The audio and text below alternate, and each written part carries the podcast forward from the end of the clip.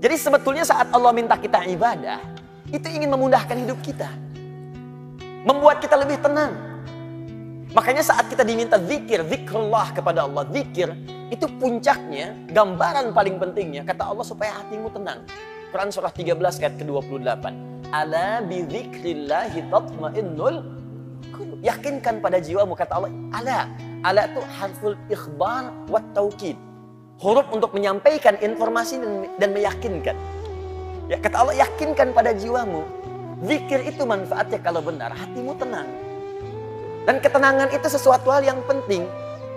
Kaya tapi gelisah atau miskin tapi tenang. Pilih mana? Nggak ada pilihan ketiga, nggak usah maksa. Hmm? Penting kan tenang itu? Tenang itu solusi. Tenang itu kedamaian.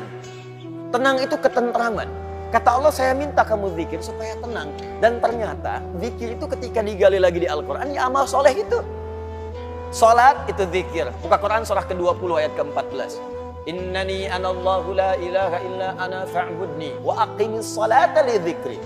Saya itu Allah, gak ada Tuhan yang layak disembah kecuali saya kata Allah. Sembah saya. Bagaimana caranya ya Allah? Tunaikan salat dengan benar di zikri sebagai zikir kepada. Anda baca Al-Quran, amal saleh, zikir. Quran surah 15 ayat 9.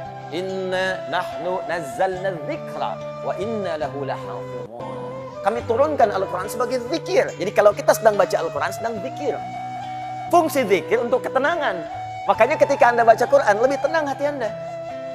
Coba deh ibu kalau sedang punya masalah.